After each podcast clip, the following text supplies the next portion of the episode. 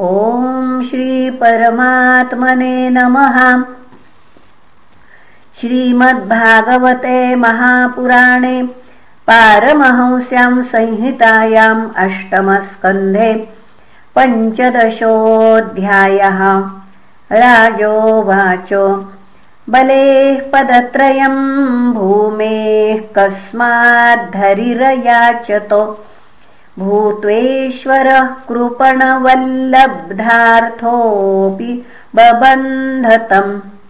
एतद्वेदितुमिच्छामो महत्कौतूहलं हि नः यज्ञेश्वरस्य पूर्णस्य बन्धनं चाप्यनागसः श्रीशुक उवाच पराजितश्रीरसुभिश्च हापितो हीन्द्रेण राजन् भृगुभिः स जीवितः सर्वात्मना तान बलिः शिष्यो महात्मार्थनिवेदनेन।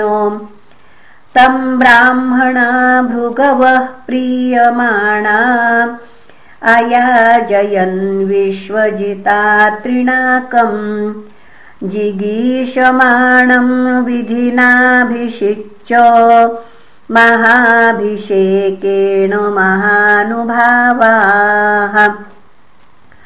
ततो रथ काञ्चनपट्टनद्धो हर्याश्च हर्यश्वतुरङ्गवर्णाः ध्वजश्च सिंहेन विराजमानो।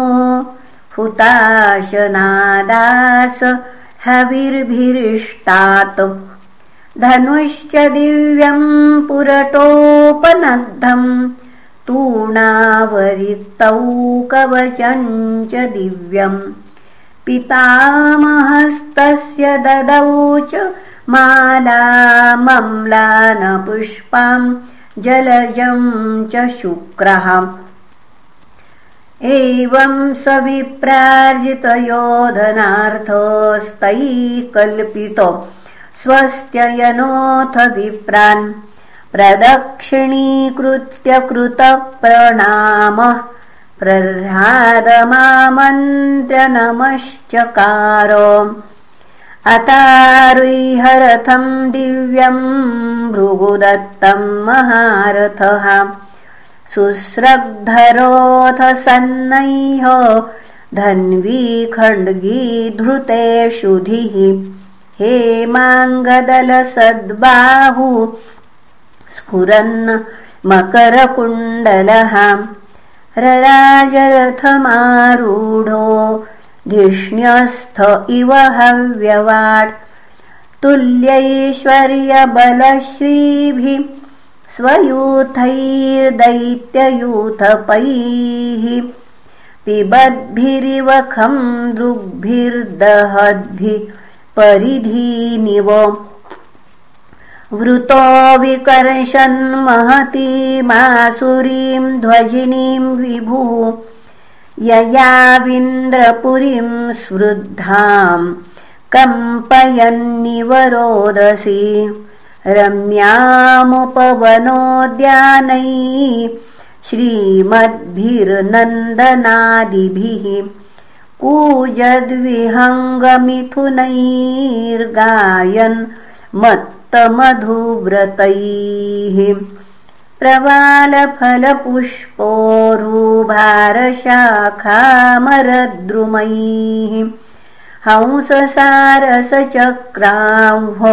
कारण्डवकुलाकुलाः नलिन्यो यत्र क्रीडन्ति प्रमदासुरसेविताः आकाशगङ्गया देव्या वृतां परिखभूतया प्राकारेणाग्निवर्णेन साटालेनोन्नतेन च रुक्मपट्टकपाटैश्च द्वारैः स्फटिकगोपुरैः।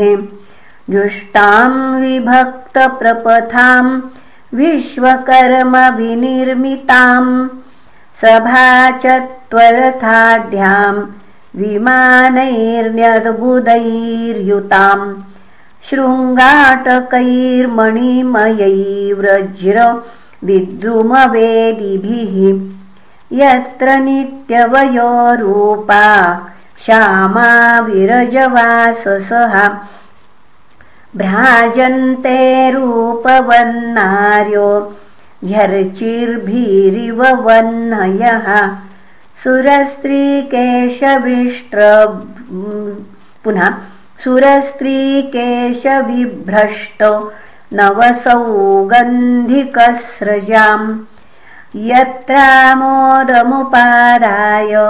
मार्ग आवाति मारुतः हेमजालाक्षनिर्गच्छद् भूमेनागुरुगन्धिना पाण्डुरेण प्रतिच्छन्न मार्गे यान्ति सुरस्त्रिप्रियाः।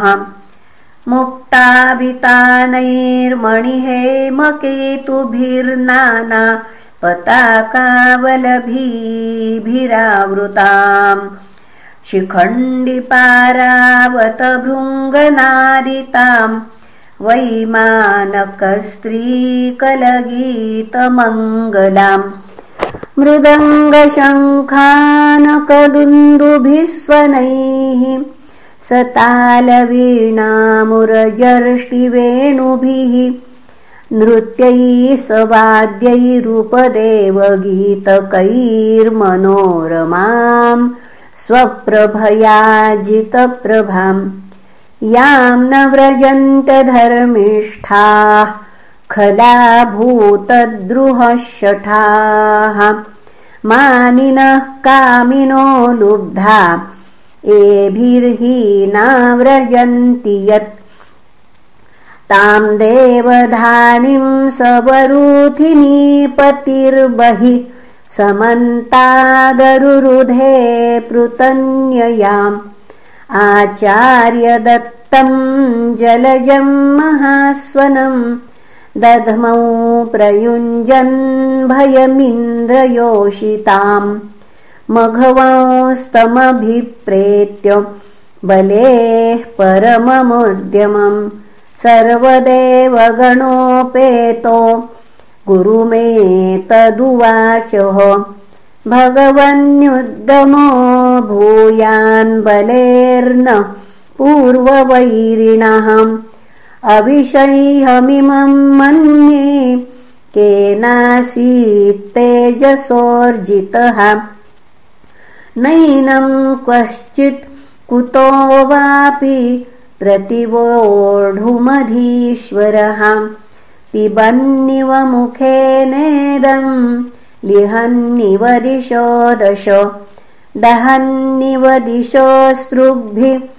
संवर्ताग्निरिवोत्थितः ब्रूहि कारणमेतस्य दुर्धर्षस्त्वस्य मद्रिपोः। ओजःसहो बलं तेजो यत एतत्समुद्यमः गुरुरुवाच। जानामि मघवञ्छत्रोरुन्नतेरस्य कारणम्। शिष्यायोपभृतं तेजो भृगुभिर्ब्रह्मवादिभिः। भवद्विधो भवान् वापि वर्जयिष्यत्वेश्वरं हरिम्। नास्य शक्तः पुरस्थातुम् कृतान्तस्य यथा जनाः। तस्मान्निलयमुत्सृज्य यूयं सर्वे त्रिविष्टपम् यातकालं प्रतीच्छन्तो यतः शत्रोर्विपर्ययः एष विप्रबलोदर्कः सम्प्रत्युर्जितविक्रमः तेषामेवापमानेन सानुबन्धो विनङ्क्षयति। एवं सुमन्त्रितार्थास्ते गुरुणार्थानुदर्शिनाम् हित्वा त्रिविष्टपं जग्मुर्गीर्वाणा कामरूपिणः देवेष्वथ निलीनेषु बलिर्वैरोचनः पुरीम्। देवधानिमधिष्ठाय वशं निन्ये जगत्त्रयम्। तं विश्वजयिनं शिष्यम् भृगवशिष्यवत्सलाः शतेन हयमेध्यानामनुव्रतमयाय जयन्। ततस्तदनुभावेन भुवनत्रयविश्रुताम् कीर्तिम् दिक्षु वितन्वानः सरेजो उडुराडिव। बुभुजे च स्वियम् स्वृद्धाम् द्विजदेवोपलम्बिताम् कृतकृत्यमिवात्मानम् मन्यमानो महामनाः। इति श्रीमद्भागवते महापुराणे पारमहंस्यां संहितायाम् अष्टमस्कन्धे पञ्चदशोऽध्यायः। श्रीकृष्णार्पणमस्तु। हरये नमः हरये नमः हरये नमः